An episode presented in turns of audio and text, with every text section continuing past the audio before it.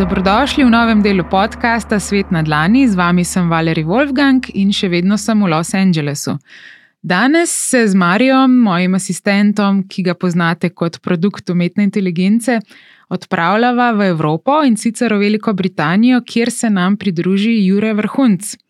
Marijo, preden um, spoznava Jureta, pa ga prosim na kratko predstavi.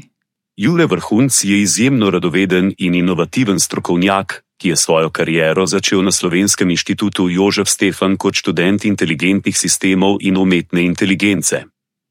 Kasneje je prejel magisterij za tezo o obnovljivih virih in se pridružil razvojnemu timu vodilnega tehnološkega podjetja v EU.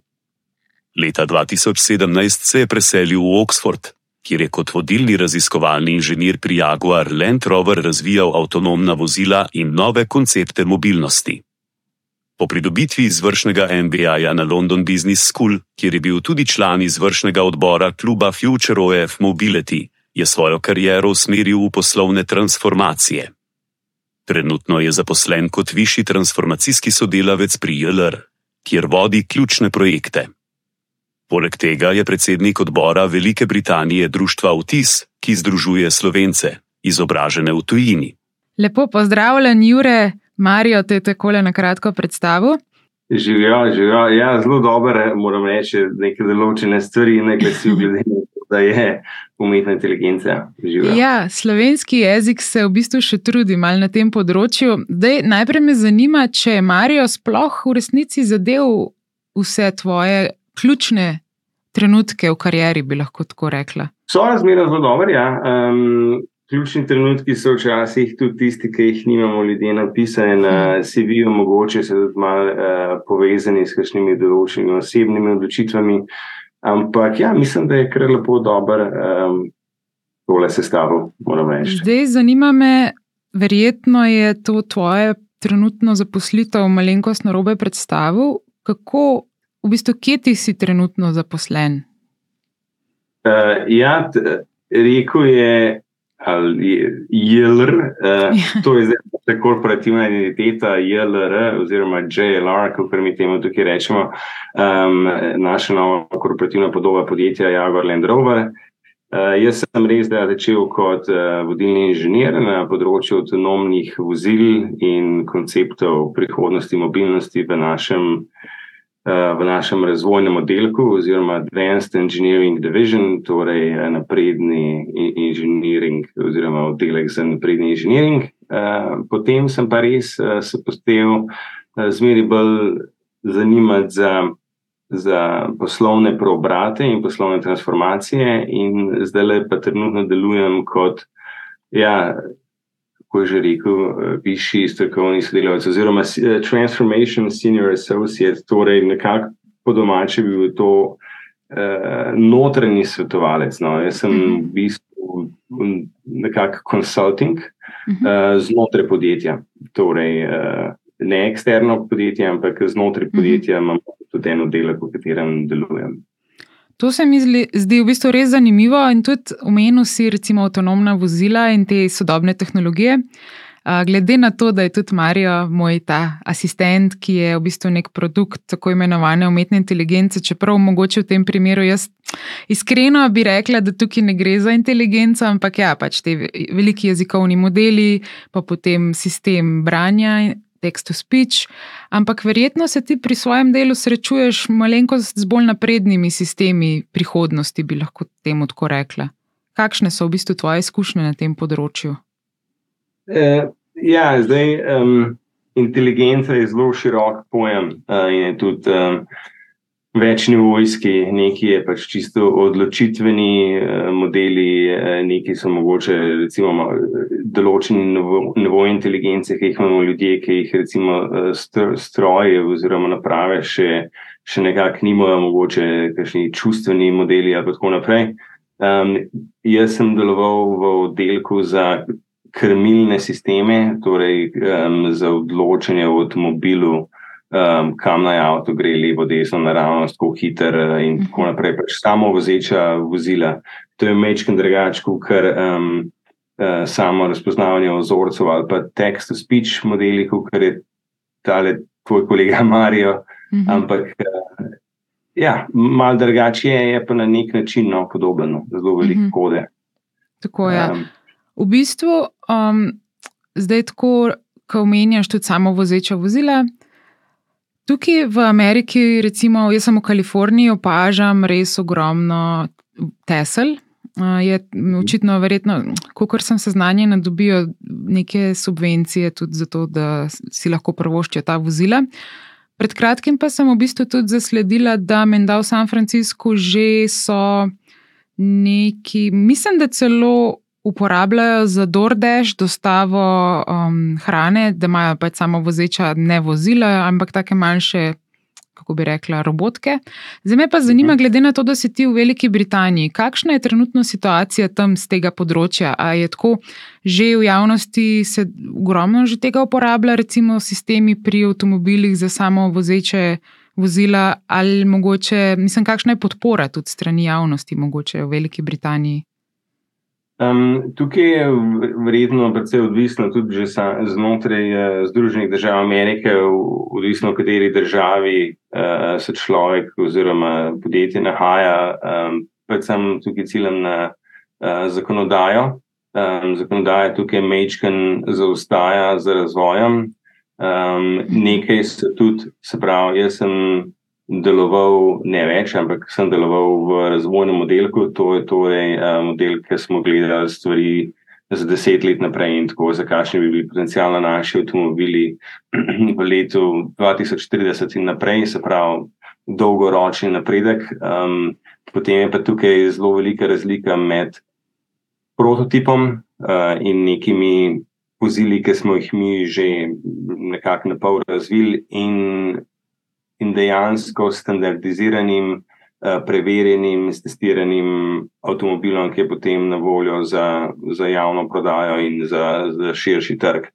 In med prototipom, ki se recimo lahko nek, eh, nek avtonomno vozilo vozi po nekem, um, ko bi temu rekel, zaprtem uh, poligonu ali pa v nekih kontroliranih okoljih, je, je nekaj. Um, realnost je pa precej drugačna, se pravi, cesta, urbana središča, otroci, eh, mhm. žoge, skačejo gor dol, ljudje, ki hodijo v rdeče luči, se pravi, tisti avtomobili morajo biti precej bolj um, tehnološko dovršeni, da vse te napake lahko odpravljajo. In trenutno v Veliki Britaniji, kolikor je meni znano, je to zaenkrat še prepovedano, oziroma mhm. ni dovoljeno uh, imeti avtonomnih uh, vozil uh, pač vključenih in mhm. tudi um, neke določene funkcije uh, v kakšnih takih avtomobilih, naprimer Tesla ali pa drugi, uh, se jih tukaj ne sme uporabljati. Uh, sem tudi videl, že, oziroma smo se v razvoju smejali, uh, ker je nekdo imel, mislim, da jih Teslo na samo vozečem uh, vključen samo vozeči način in spal na voznikovem sedežu, medtem ko se je pel po avtocesti. In to je bil potem kar mečken škandal, in oseba je najverjetneje izgubila vozniški izpit. Uh, lahko ti povem, tukaj moja izkušnja. Enega prijatelja imam, ki ima Teslo, um, zdaj v Kaliforniji. In sem ga tako čist vprašala, kako to, da se je odločil za nakup. Pa je rekel, veš, eh, tri leta nazaj sem zamenil službo in zdaj se moram voziti eno uro, ne vem točno, v katero mesto se vozi. Je rekel, pa moram ostajati ob štirih zjutraj in mi je najboljš, ker lahko spim še eno uro dlje. Tako da v bistvu, ja, on verjetno tukaj v Kaliforniji ta sistem očitno uporabljajo ker on spi kot voznik. Je pa pač cesta dokaj široka, avtocesta, ravna, brez nekih ovinkov, tako da pa mhm. verjetno z tega vidika bi rekla, da deluje. No, mislim, tri leta že uporablja in načeloma je. Ni imel nesreče, ampak tako malo mal, mal me je kar uh, zaskrbelo. Um, ja, ja. Predvsem ja. ne z vidika, da so avtomobili razviti, pa tehnologija, ampak ostali udeleženci v prometu, kot si omenil, te Težko je, ker niso vsi avti naenkrat zamenjani. Če bi vsi imeli ta sistem, verjetno bi bilo zelo varno. A se ja, strinjaš? Mogoče? Če bi bil sistem res dovršen, bi se teoretično vsi avti lahko vozili 300 na uro, 1 cm za drugim in bi to vse skupaj delovalo uh, kot nek vlak. Uh, ampak ja, avtoceste so načeloma tudi uh, najbolj varne ceste, uh, kljub temu, da so hitrosti tam pač najvišje, se vsaj vsi avti vozijo v isto smer, tudi ni nekih čelnih trčen ponovadi. Um, Pa tudi um, tukaj je nekih ograj, da razni ti ostali moteči faktori, predvsem pešci in tako naprej, ponovadi niso lih udeleženci v prometu na, na avtocestah, tako da so, so varne. Največ smrtnih nesreč se dejansko zgodi na regionalnih cestah ali pa celo v mestnih središčih, ker nekdo skoči nekomu pred avto. Mm. Um, in ja, avtonomna vozila definitivno imajo prihodnost in ravno tak, um, kot jim rekel, use case oziroma primere. Kot um, vaš prijatelj, ki se pač zgodi zjutraj in spi, to bo seveda aktualno. Um, sploh za ljudi, ki se morajo mečkati dlje voziti, uh, ali pa ne samo, yeah. Ja. da bi v avtu, pa bi mogoče lahko že tekom recimo prve ure v službo, že eno uro oddelali prek nekega 5G povezave, bi se lahko že povezali z računalnikom in že začeli delati. Tako da teoretično mogoče bi bilo lahko tako, da bi človek nastopil v službo že zjutraj, pa potem prišel v službo za pet ur, mečken socializacije, pa osebnih sestankov, pa se pa še nazaj grede še eno uro v delu in ki prideš domov, ali 8 ur, pa kakorkoli pač zdaj pravilo, uh -huh. bi bilo še nimo. Ampak eh, to je definitivno prihodnost, ki se ji skoraj da ne moramo več izogniti. Meni se zdi to odlično. Mislim tudi sama, v resnici mi gre najbolj na živce ta commuting oziroma prevoz. In tukaj zdaj, recimo v Los Angelesu, ki so razdalje res izjemne, pa te prometne konice si takoj lahko tudi po dve uri v avtu. In ta čas je res, to je ogromno časa, ne, če razmišljamo. Um, javnih prevozov, recimo tukaj ni, mislim, so obstajajo avtobusi, ampak uh, iskreno ne.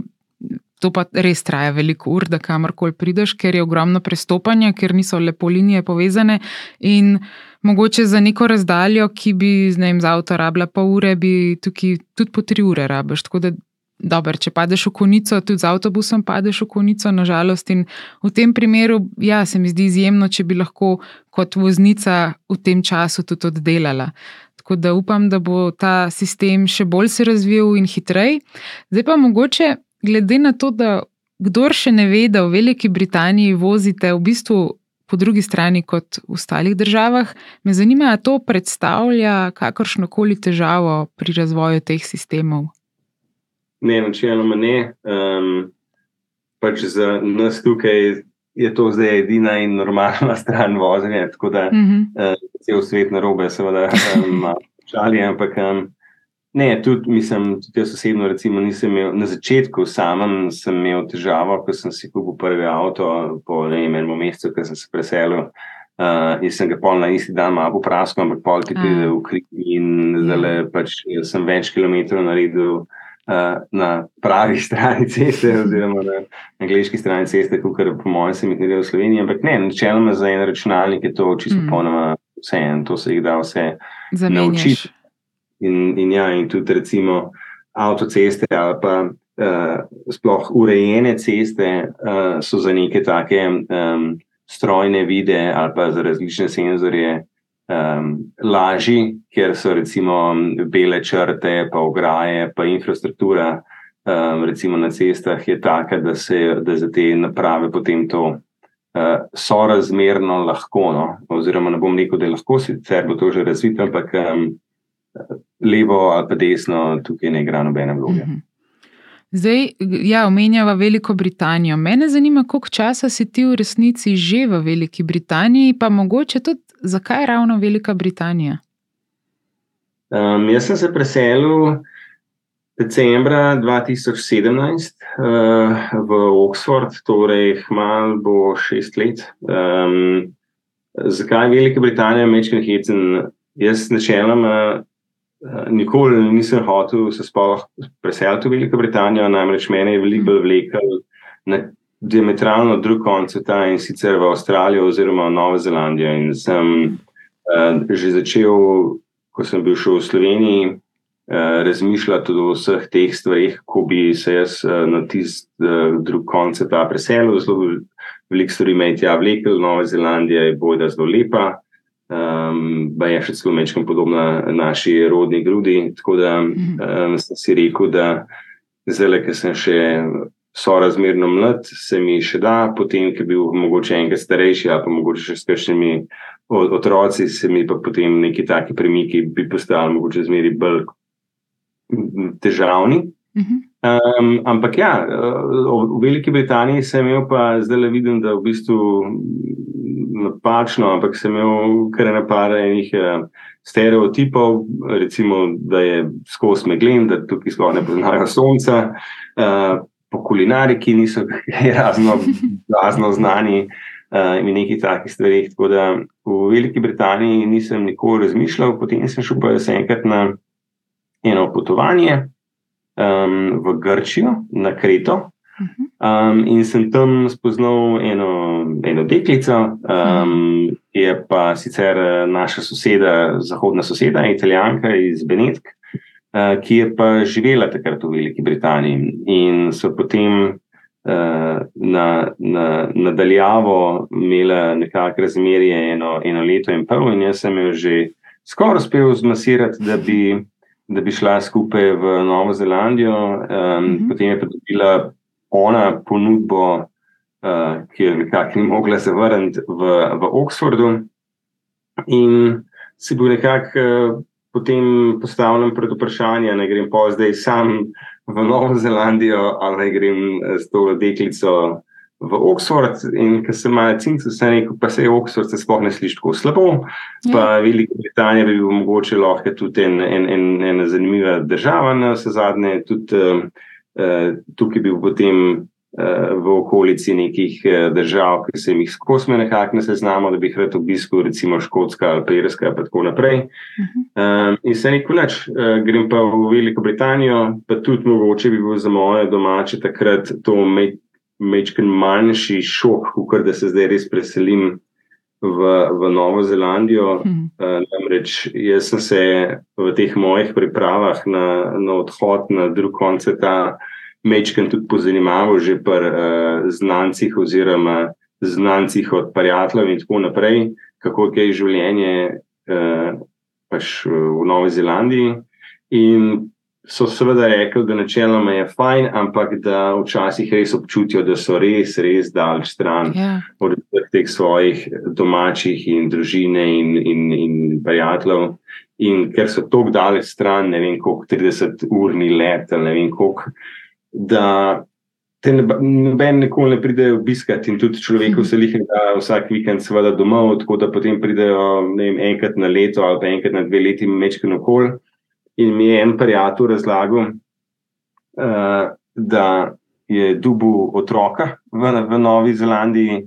In je potem prišel na obisk v Slovenijo, in ta prijatelj ima brata v Sloveniji, in ta otrok, praktično družine, seveda v Sloveniji ni poznal. In je še rekel, da je to moj striček uh, iz Slovenije, in se je torej prijatelj, prijatelj, kar je večkrat milo storilo, kako leta minevajo in kako se taj, te stiki izgubljajo. Tako da sem jaz potem, seveda, o teh stvareh malo razmišljal sem si rekel, Oxford je pa čist blizu, relativno ne dve uri let, um, in bom, bom šel pa najprej malo sem pogledat.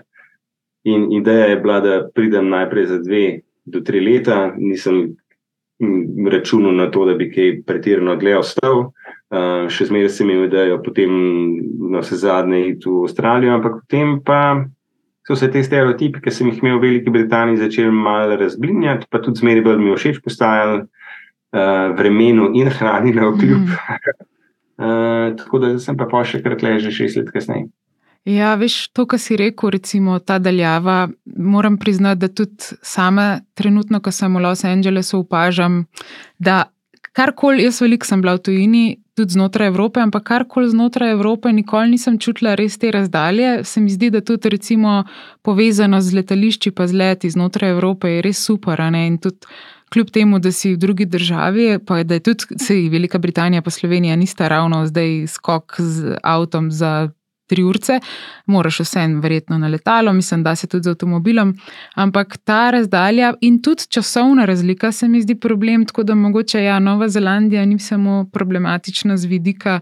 Uh, fizične razdalje, ampak opažam sama, da časovna razlika, ne glede na to, da obstajajo tehnologije, vi, pač videoklici in vse te stvari, je drug ritem življenja. Jaz, recimo, sem vsaj jutranja, se hočem slišati vem, s prijatelji, s familijo, v Sloveniji pa recimo že vsi grejo spat počasi. Mislim, tako kratkoročno se seveda da, ampak daljnoročno pa se definitivno potem počasi uh, občutijo te razlike. In mislim, da je z tega vidika se kar strinjam to, kar si povedal, in tudi sama imam prijatelje v Avstraliji in še na drugih koncih sveta in isto govorijo o teh stvarih, da je odlično življenjski stil, uh, recimo je super, plače so super, uh, vse je super, ampak res večina ljudi pogreša družino potem na ta način. Tako da mi je zelo zanimivo to, kar si delil svojo zgodbo. V bistvu, ja, ne bi se mogla bolj strinjati. Zdaj pa ja. omenil si te stereotipe. Jaz bi se še malo vrnila na stereotipe v Veliki Britaniji. Tudi sama, mislim, bila sem že tako uh, v Londonu, pa na jugu Velike Britanije, tako da čist malo poznam. Ampak verjamem pa, da marsikdo, ki še ni bil, ima še več stereotipov. Kaj so bili res poleg vremena pa hrane, mogoče ti najbolj očitni zadržki selitve? Um, ne vem, zdaj je to kompleks uh, um, velikih narodov ali pa mogoče samo sosedov, ampak nekako je tako.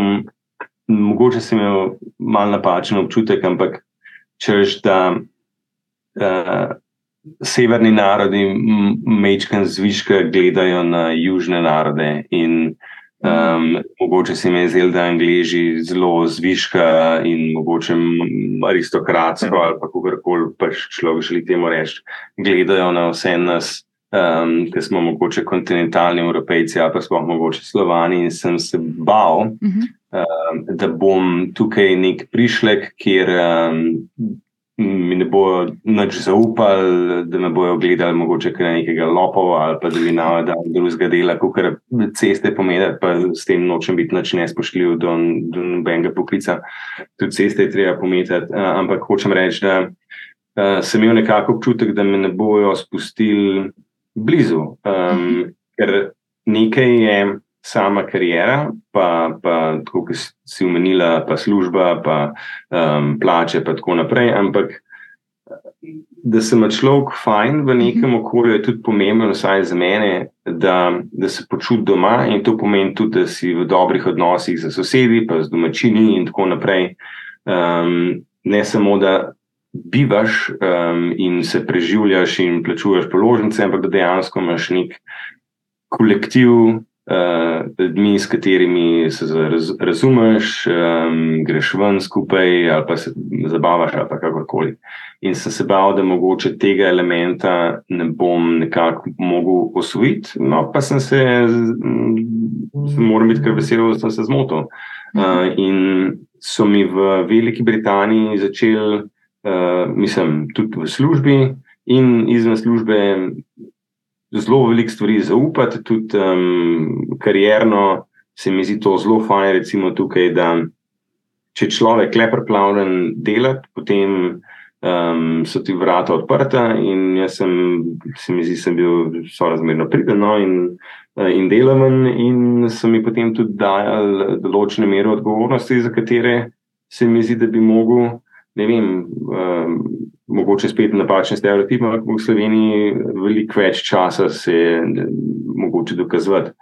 Um, tako da, kar se mi je zdelo, da, da ne bom sprejet, da bom gledal zviška, da bom tukaj kot uh, nek tujec ali pa kot nek, um, ne vem um, ekonomski imigrant, tega, tega sploh nisem uh, doživel. Um, in mogoče je ravno zaradi tega, ker je ta država, vsaj kar se tiče no, etničnega um, zastopanja, veliko bolj pestra kot, kot Slovenija. Ne? Tukaj v Veliki Britaniji živijo verjetno narodi iz celega sveta, od pač, Italijanov, Nemcev, Angližev, seveda Argentincev, Portugalcev, vseh tudi, kar še Slovenci najde.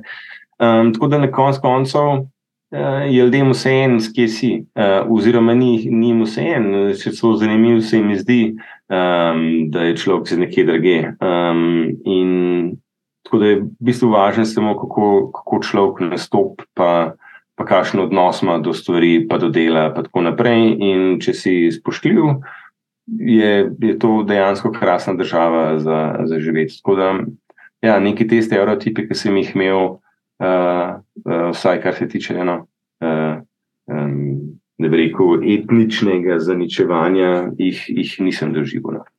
No. To mi je super, da, da si to omenil, ker um, mogoče zdaj bom tudi jaz malo stereotipna, ampak saj tako kot nekako zaznavam Slovenijo oziroma okolico v Sloveniji, kar sem pač bila v Sloveniji, načeloma, je vse čas tako mal strah pred tujci in se mi zdi, da tujec v Sloveniji, tudi sama imam nekaj prijateljev, ki so se pre, preselili v Slovenijo, ampak niso slovenci in imajo v resnici veliko več težav, ker se imam občutek, da pač v Sloveniji se bojimo tujcev, ampak obratno, če pogledam, pa potem te isti ljudje, ki grejo v tujino, recimo Slovenci v tujini. Se pa je pa njim potem samo omejeno, da pa morajo biti sprejeti, ne? zdaj ne govorim za vse ljudi. In se mi zdi, da mogoče pa mi tudi moramo začeti malo bolj, tisti, ki so nastanjeni, seveda v Sloveniji, imeti malenkost bolj odprte misli, ne, da je super to, da smo različni, da lahko sodelujemo in to, kar si umenil, da če ti pokažeš spoštovanje, da dobiš spoštovanje nazaj in tudi, če si pripravljen delati, da imaš vse možnosti odprte. Tako da sem zelo vesela, da v bistvu v Britaniji, v Veliki Britaniji si imel tudi uh, že takoj, do, v bistvu na začetku, to izkušnjo, ne, ker lahko bi mogoče, če ne bi bila tako prijetna izkušnja, bi te mogoče odvrnili, da tam ostaneš. Um, omenil si, da si najprej se preselil v Oxford. A si še vedno v Oxfordu, oziroma si trenutno v, kakšni, v kakšnem drugem mestu? Ne, mogoče samo prijem nadaljujem, da navežem. Mogoče je bil tudi to eden izmed faktorjev, da se mi je zdel, da je bila moja prva izkušnja fajn, ker sem prišel direkt v Oxford in Oxford mhm. je um, nekako tak. Uh, srčika ponosa um, Velike Britanije ali pa Anglije, in tudi je zelo um, mednarodno, seveda, um, zastopano mesto v tem smislu, da je tam ogromno tujcev, ki pridejo celega sveta študirati. Uh, tako da je mogoče če bi se preselil v kakšen drug uh, kraj, bi verjetno lahko imel drugačno izkušnjo. In tudi mm -hmm. zdaj sem že po dveh letih odkril neke določene uh, četrti, v katerih se ni najbolj prijetno gibati. Ampak mm -hmm. ja, Oxford je krasen. Mhm. Tam sem pa bil približno štiri leta, um, sem preživel v Oxfordu, zdaj sem se pa preselil. Uh, dve leti nazaj, kaj takega, ja, nekaj približno dve leti nazaj, um, ne ravno v London, ampak zelo blizu, um, v eno mesto, ki se imenuje St. Albans. Um, to je s hitrim vlakom 20 minut do, do centralnega Londona, do, do Blackfriars postaje, ki je na, na mostu Temze. Um, ja, tako da imam dejansko dostop do Londona, kadar, kadar si ga zahočem, eh, zelo blizu.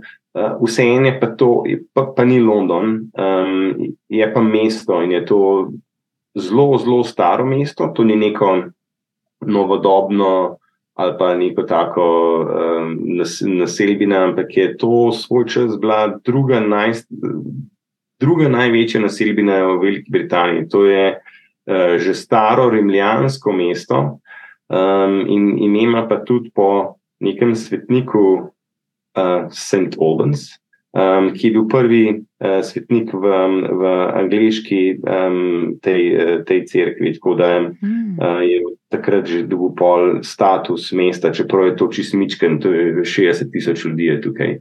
Ampak je. Zdaj, za, za angliško uh, vero je to relativno pomembno, staro uh, mesto in so tako stare, tudi tudorske pol, hiše, te lesene, slamnatimi strehami in tako naprej. Mm. Tako da je prelušteno. Sploh nimaš občutka, da si v Londonu, je tako res, kot da bi bil um, čist nekje. Veliko dlje stran, ampak če se usedeš pa na vlak, si pa relativno blizu Londona in zaradi tega mi je všeč tukaj. To je super. Potem tudi uh, službo imaš v tem mestu, oziroma se voziš uh, v kakšno drugo mesto? Ali imaš hibridno? Pa, Eh, službo imam pa v Jaguar Land Roverju, se pravi, začel sem kot inženir, potem sem pa postal nekako vodja transformacije oziroma interni konsultant. Uh mhm. -huh. In naš, mi imamo sicer velik uh, uh, sajt, torej uh, veliko enih um, lokacij po sami Veliki Britaniji, ampak naš, uh, naš headquarters, torej um, središče, no, kako bi rekel, je v, uh, v mestu Gaden, ki je blizu mesta Coventry, in jaz imam 1 uro 45 minut uh, v eno smer do službe. Ja, tako da tudi jaz, ko mi čakam na avtonomno vozilo, da se ta pot malo prikrajša. Um, jaz sem se sicer začel ravno tako, kot ti eh, sprašuješ, kakšna potrata časa je to, pa ne, oglični odtis smo tudi ni najboljši, tako da vsaj vozim nek ekonomičen avto, ampak poskušam z tega časa vsaj nekaj narediti, tako da se pa učim med, med vožnjo. Uh, na začetku sem se učil italijanščino. Uh, ker je pač moja partnerka italijanka, hmm. zdaj pa pač neke določene druge um, podcaste poslušam, tako da to te tri do štiri ure na dan potem uh, namenim malo učenju. Na začetku je bila se pravi italijanščina, potem bilo italijanščina dost, sem začel uh, radio poslušati, da sem bil mečkaj na tekočem, ampak potem sem se do tizga naveličil, da se pa dejansko učim med vožnjo. Um, to se mi zdi super. Upam, da tudi uh, drugi, ki imajo te podobne, recimo, časovne, kako bi temu rekla, pauze v življenju, um, da izkoristijo na ta način. Jaz tudi, recimo, jaz ogromno tečem, tako da med tekom, ponovadi zjutraj grem pred službo, audio knjige poslušam ali pa podcaste in se mi zdi tudi to mi pa še, kdaj tudi v tišini, no, ampak načeloma mi pa še, da v tem času se kaj novega naučim. In ja, ta commuting, vožnja na delo in iz dela se mi zdi super, se izkoristi čas. Tudi v vseh večjih mestih, kjer sem bila, recimo v New Yorku, sem nekaj časa živela. Sem tudi ogromno časa preživela na podzemni železnici in sem brala ali pa pač poslušala audio knjige. In ja, če se da kakorkoli izkoristiti čas, se mi zdi super, da imamo potem več prostega časa zase. Zato, ja, avtonomna vozila, definitivno si želim, da bodo čim prej med nami. Uh, Jure, um, omenil si, da si se preselil leta 2017. Jaz ne morem se izogniti vprašanju, domnevam, da je bilo to še pred Brexitom. Zdaj me pa zanima. Kaj se je spremenilo v tem času za nekoga, ki mogoče trenutno razmišlja, da bi se preselil v Veliko Britanijo, A je zaradi Brexita mogoče zdaj kaj oteženo? Um, bi si mislil, da je. Ja. Uh, zdaj um, v društvu TIS, torej uh, v Tini izobraženih slovencev, v katerem delujem tudi sam, um, je ogromen. Uh, ljudi, ki trenutno razmišljajo o tem, da bi se mogoče iz Slovenije preselili v razne države, med drugim tudi v Veliko Britanijo, in imamo tudi polhen članov, ki ta znanja delijo z drugimi, kar se tiče trenutne zakonodaje. Tako da bi lahko mogoče poslušalce usmeril tudi um, na, na naše društvo, da mogoče poskušajo um, najti informacije uh, tam, najbolj aktualne. Zdaj, jaz, uh, veliko stvari se je spremenilo. Zdaj, Nekaj so uvozne uh, in izvozne dejatve za recimo podjetja, to je pomembno, za, če se kdo ukvarja s kakšnim poslom tukaj, ki ima kakšne um, partnerska podjetja na kontinentalni Evropi. Za same ljudi, ki bi se radi sem pre, preselili, je zdaj tako, da je mečko oteženo, seveda, ker ta um, ni več toliko prostega pretoka razne delovne sile, kot je znotraj Evropske unije. Recimo, vem, da v Veliki Britaniji, Velika Britanija je bila blazno um, popularna država med vsemi evropskimi narodi, um, ne samo seveda Slovenci, ampak tudi raznimi pač Španci, Portugalci, Italijani in tako naprej, uh, ker so se praktično lahko samo preselili uh, sem in relativno hitro dobili zaposlitev ali pa se prijavili na študij. Um, zdaj pa mečkim to oteženo. Uh, podrobnosti sicer ne vem, se pravi, ker nisem šel sam čez to, jaz sem se res preselil že pred Brexitom, ampak vem, da je zdaj treba mogoče neke izpite delati, neke jezikovne izpite delati, um, sploh ta angliški uh -huh. IELTS oziroma IELTS, ki niti ni tako zelo lahek uh, za upraviti. Um, nekaj je teh birokratskih umitev, tudi ne vem, zdaj čisto točno, kako je z raznimi študentskimi izmenjavami. Ja, sem hotel jih vprašati za Erasmus, če še vedno obstaja. Uh, ne bom trdil, mislim, da Erasmus kot Erasmus ni več, mislim, da je neka druga alternativa zdaj. Uh, ampak se pravi, mogoče bilo zato bolje, da se obrnete na, na, na društvo Otisa, pa mm. uh, da vas lahko jaz pomagam, pomagam usmeriti vem, da so se takrat, jaz sem bil ravno v Oxfordu, ko se je ta Brexit dogajal in potem tudi eh, nekako izvršil, uh, da ne samo za študente, veliko večji oziroma um, vpliv negativen je, je potem nastal na področju mednarodnega sodelovanja med univerzami in raznimi projekti, ki so jih že uh, razne univerze počele skupaj in potem se je zakompliciralo kar naenkrat zaradi raznih financiranj in tako naprej. Ampak mm -hmm. načeloma je tako, kjer je volja, tam je pot, ta rek je še zmeraj zim zelen. In če je nek študent, recimo, ali pa kdorkoli, no pač v, v rodni grudi, trenutno, ki bi ga zanimal prihod v Veliko Britanijo, vsekakor se to da. Uh, ljudje to še kar naprej uh, zelo uspešno počnejo, samo mečkaj več je birokratskih omejitev, ampak se da. Uh, vem, da tudi Velika Britanija trenutno um, precej poskuša rekrutirati uh, razne druge, po raznih drugih narodih in recimo sploh uh, tale njihov zdravstveni sistem, NHS, torej NHS, je, je imel redno zelo velik priliv. Ljudi iz, iz kontinentalne Evrope, kot sem prej omenil, predvsem Španci, Portugalci, Italijani, Grki in tako naprej. Um, po Brexitu je pa ravno zaradi teh izpitev ta influx sorazmerno precej upadel. Um, in ker potem, kar naenkrat ni bilo več dovolj delovne sile za vse kapacitete, ki so bile tukaj potrebne, uh, vem iz prve roke, da je NHS, torej ta zdravstveni sistem, začel rekrutirati uh, zelo intenzivno po raznih drugih uh, narodih, kot so recimo azijski narodi, Filipini in tako naprej. Uh, ravno ker tega influksa v Evropi ni bilo več, ampak vem, da se tudi še kar naprej um, razna angliška podjetja, kot tudi NHS, uh, delajo razne kampuse po Evropi, recimo v Milano, in potem so tam en teden in poskušajo mečke ljudi privabiti uh, za delo v, v, pač tukaj v Veliki Britaniji. Tako da vsekakor se da, no, sem, se pravi, mečken težje, ima več mhm. papirologije, ampak se da. Ja, sej mislim, kar se tega Brexita tiče.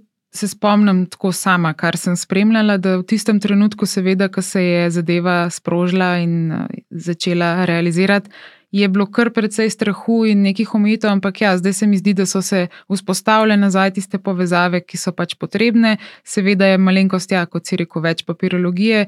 Nažalost se je marsikatera verjetno štipendija tudi spremenila, pa se verjetno iz drugih virov zdaj črpa. In uh, tukaj je spet en dokaz več, vsaj za me, no, kako gledam na stvari. Ne glede na to, katera država smo, kje se nahajamo, pač rabimo to izmenjavo, rabimo izkušnje, rabimo v bistvu multikulturalnost. To, kar nekateri so zelo proti, še vedno ne vem zakaj, ampak na prim takih primerih se kaže, da je to v bistvu super, da imamo možnost izmenjav, imamo možnost poznati drugačne osebe, ljudi, navade in strokovnjake. Tako da Sem vesela, vsem, da Velika Britanija ostaja povezana, ne glede na Brexit. Um, mogoče čistko za nekoga, ki razmišlja na splošno o selitvi, a bi mogoče svetoval, da grejo skozi nek, neko izkušnjo šolanja, recimo dodaten magisterij ali pa upis na ne vem, neko izpopolnjevanje preko šolstva ali direktno zaposlitev. Ja, to je zdaj. Um um, težko reči. Oboje, obe dve možnosti bi bile popolnoma um, v redu, legitimne. Um, odvisno od osebnih ciljev, bom rekel. Um, jaz sem recimo šel v, pač iz Slovenije v Veliko Britanijo in si potem zelo hitro najdel službo.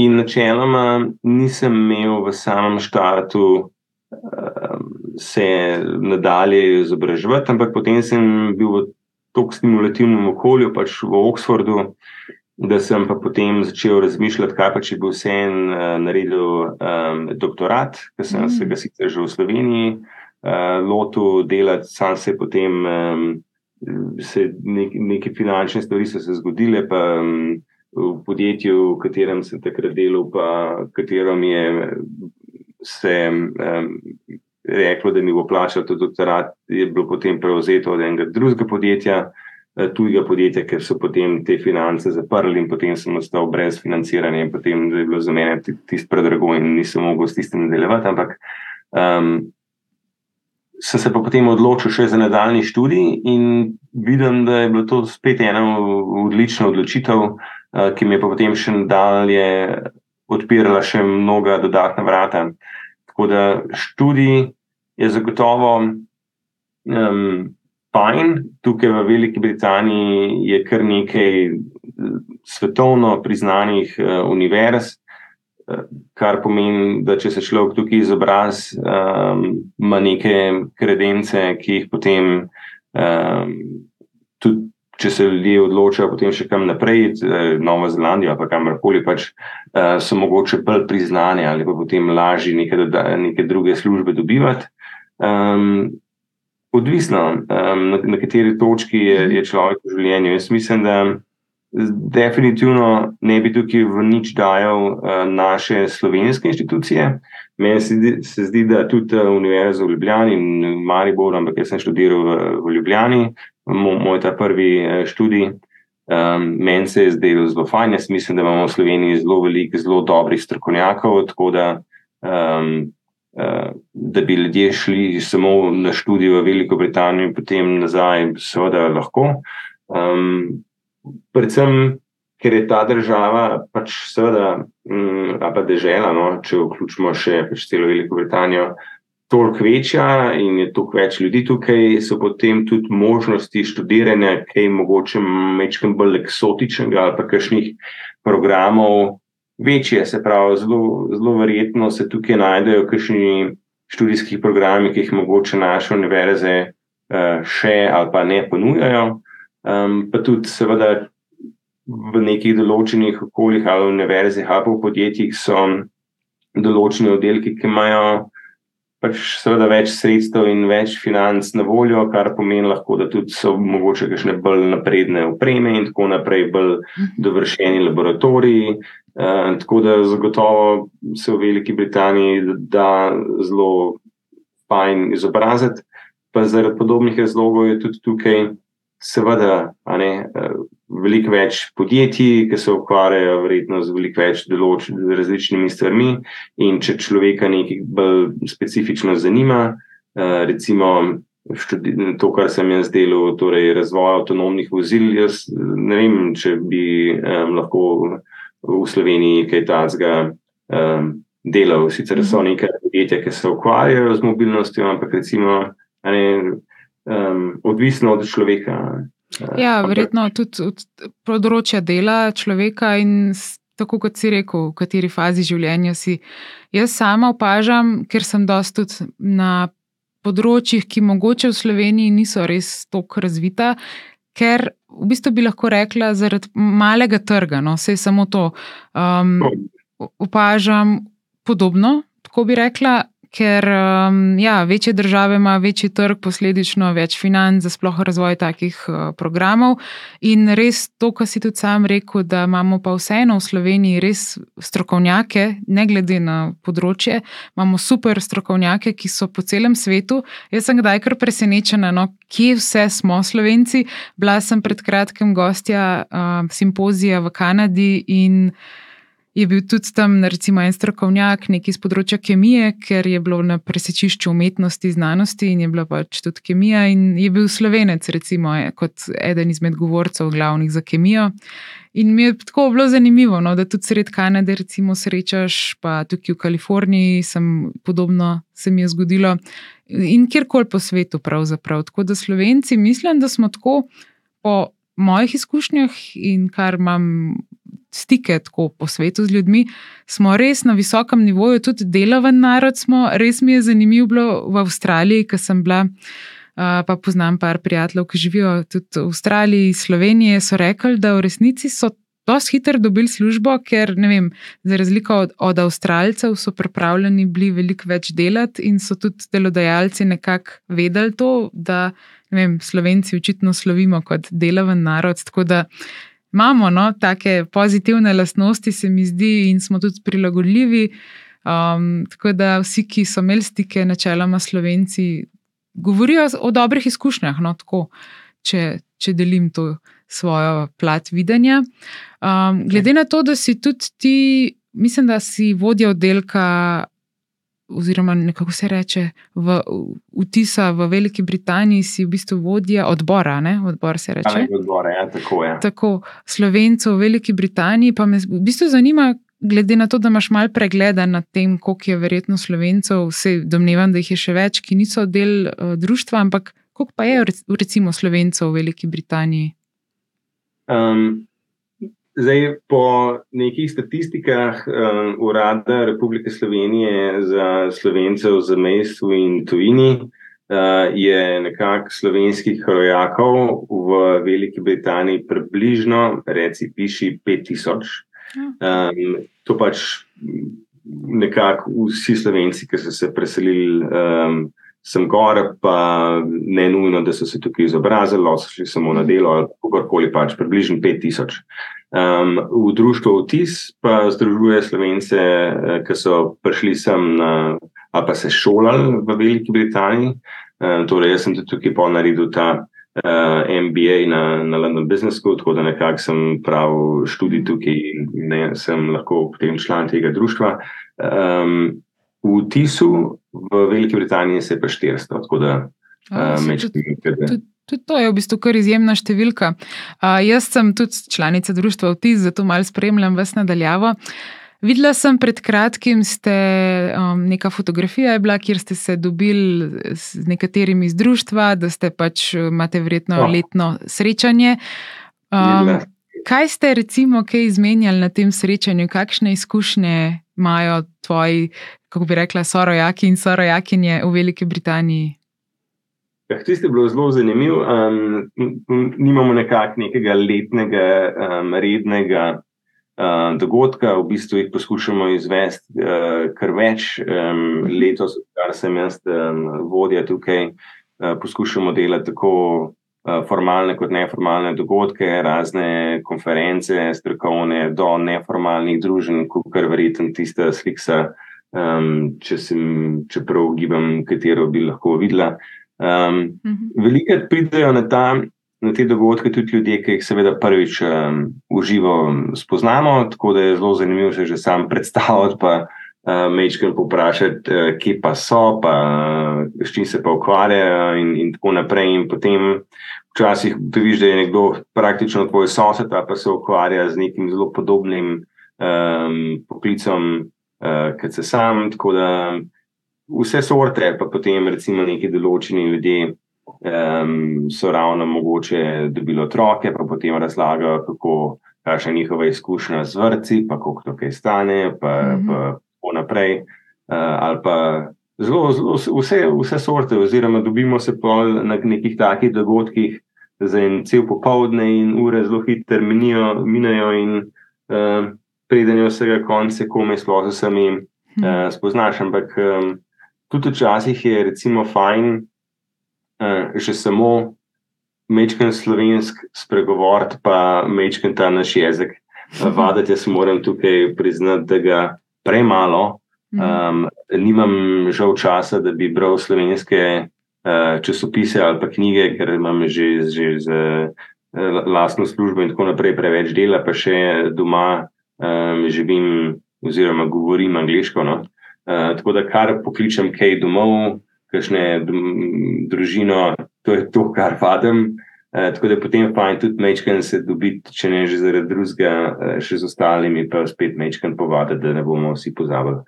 Ampak, ja, ja. Gre to, vse, vse smeri. Mm. To se strinjam, ker tudi sama, recimo, zdaj pišem eno knjigo, pišem in sem opazila, da sem že devet mesecev zdaj v Los Angelesu, skozi obkrožena z angliščino.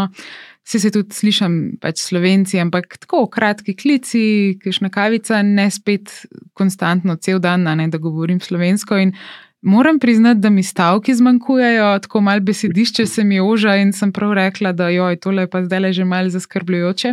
Tako da verjetno nekdo, ki ni nikoli živel več časa v tujini, mogoče ne razume tega, ampak se mi zdi pomembno in tudi zdi se mi, da zdaj razumem, že, mislim, že nekaj časa, no, kako le sem dosti po tujini.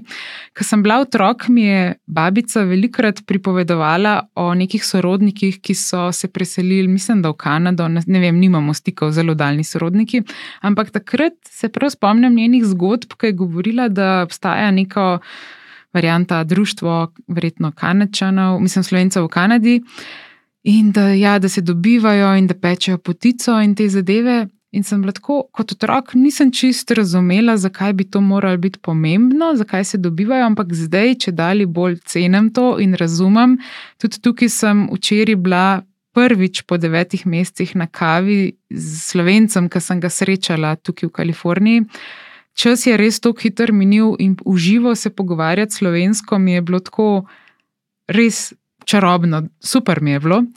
Uh, čeprav sva bila tujca, ampak sva se tako ujela, seveda, ne, ker sva imela to res izjemno skupno točko, ne, da sva oba ja, iz Ljubljane še celo.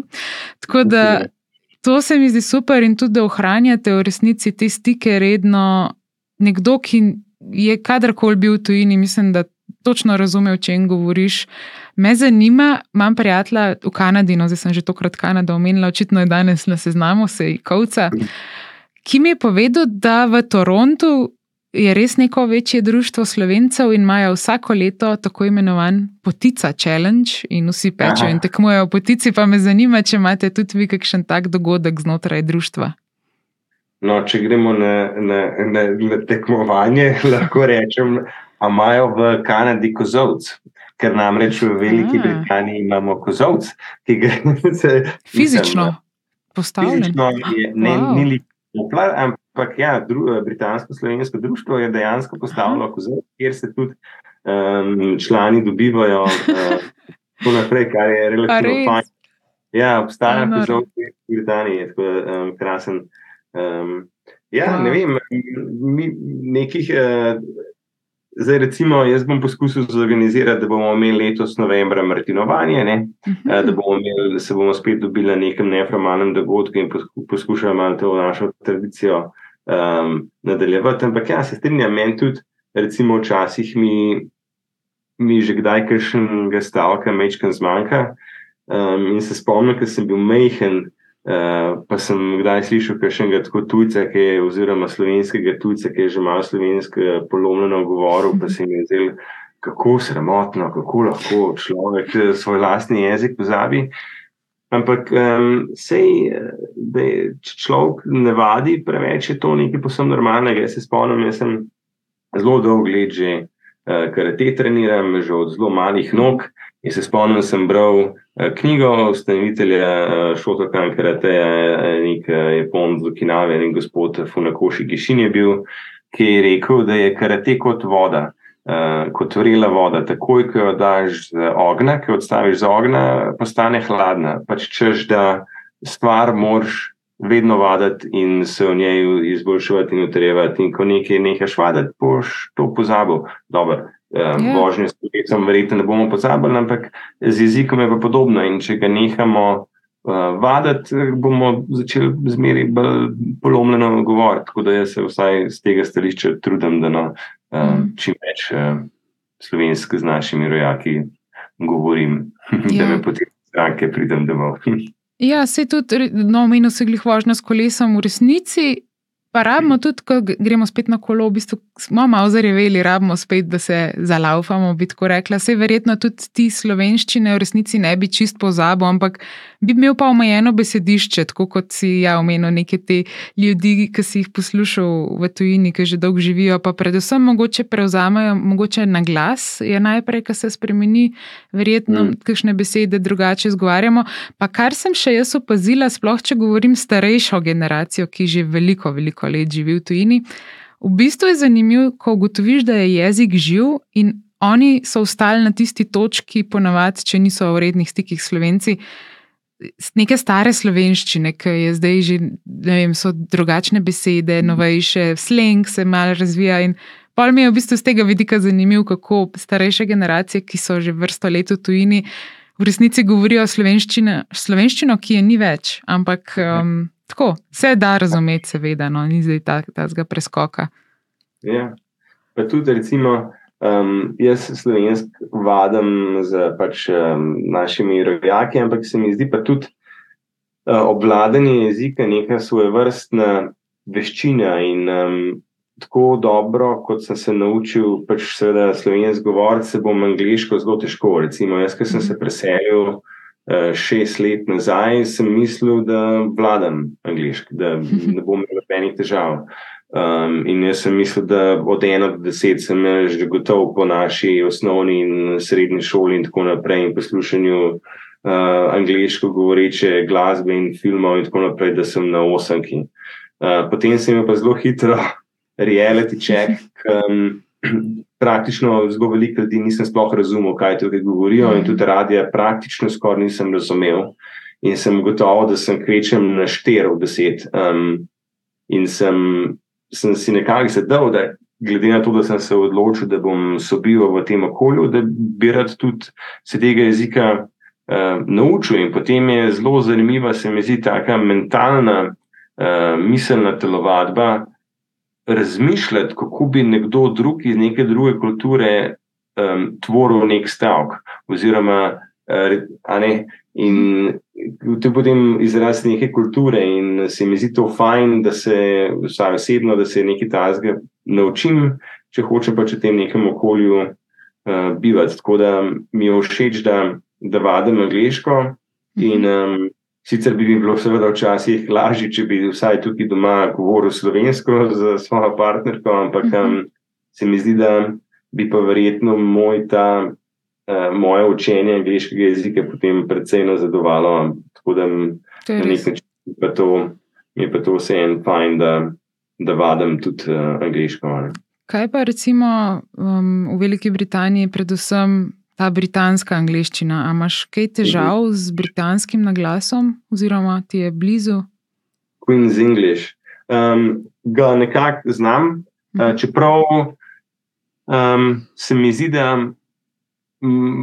delujem ne naravno, um, če govorim uh, res pravilno angliško. Tako se mi zdi, da delujem spačeno. Um, sicer. My girlfriend and I went there for a walk. I mean, ja, ja, ja, ta, ta sistem. Drugačen je. Jaz mislim, da če poskušam ne razmišljati na glasu in govorim samo angliško, uh -huh. um, prej spadam kot nek američan, kot angliški. Uh mm. -huh. Um, mi je pa no, zanimiv ta um, Queen's English. Um, Verjetno um, tudi, ker smo odraščali tudi ostane z ameriškimi filmi in zato smo prevzeli notranje, imam občutek, no, zakaj smo bolj. Ker v resnici se mi britansko učimo v šolah in pa je zanimivo, da vsi, ki pa govorimo, sicer govorimo, po mojem mnenju, se temu reče evropska angliščina, ne, ker imamo ta, mm. sploh se mi zdi, slovenci imamo nek poseben naglas, se kar takoj prepozna. Meni tudi ja. tukaj reče v Ameriki, pa, pa sem bližje amerikanščini, ne, kot pač britanščini. Ampak tako je, pol tako, vse se razumemo, pa vse, ampak mi tako kdaj kdo reče, skipa drugače si ti, a ne, ki pač prepoznajo na glas, pa pa tako reče, aj mogoče z Rusije, tako pač malo rusko, očitno zveni ali pa ukrajinsko. Um, pač prepoznajo nek slovanski naglas, tako da se ga nažalost ne morem znebiti, mogla biti dejansko na neko, prav se mi zdi, šolanje tega naglasa, pa pravilne izgovorjave, ker to, po mojem, manjka nam, vsaj nam, meni konkretno v osnovni šoli, da smo imeli ogromno pisanja, govora pa v resnici ne, ne? tako da nisem imela. Tok prakse in ja, to je pol ta evropska angliščina, ki se mi zdi, da evropejci med sabo niti ne opazimo, a ne, ko se pogovarjamo.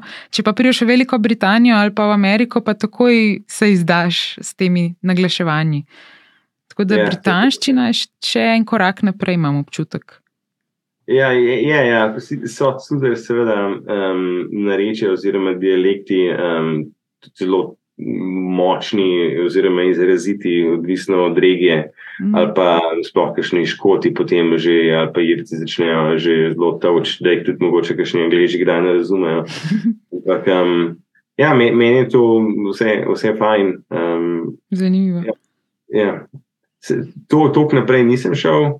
Da bi na začetku se trudil, ampak potem je bil to dodaten napor in uh, se rekel, ne bom jaz kar lepo svoj naglas imel, se se ni kaj sramovati, um, tudi ja. se noče pretvarjati, da sem angliš, sem čist ponosen, da sem slovenc, seveda, oziroma pač um, um, ne. Um, In, Definitivno je. Ja.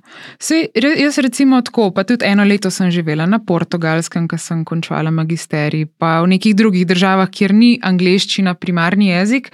In zdaj šele, recimo, vidim, ko sem v Ameriki, kjer je pač to njihov materni jezik, da sem mogoče v malenkost, meni ni problem govoriti angliško, ampak vseeno je razlika, ali je materni jezik ali je za obe strani tisti dialoga.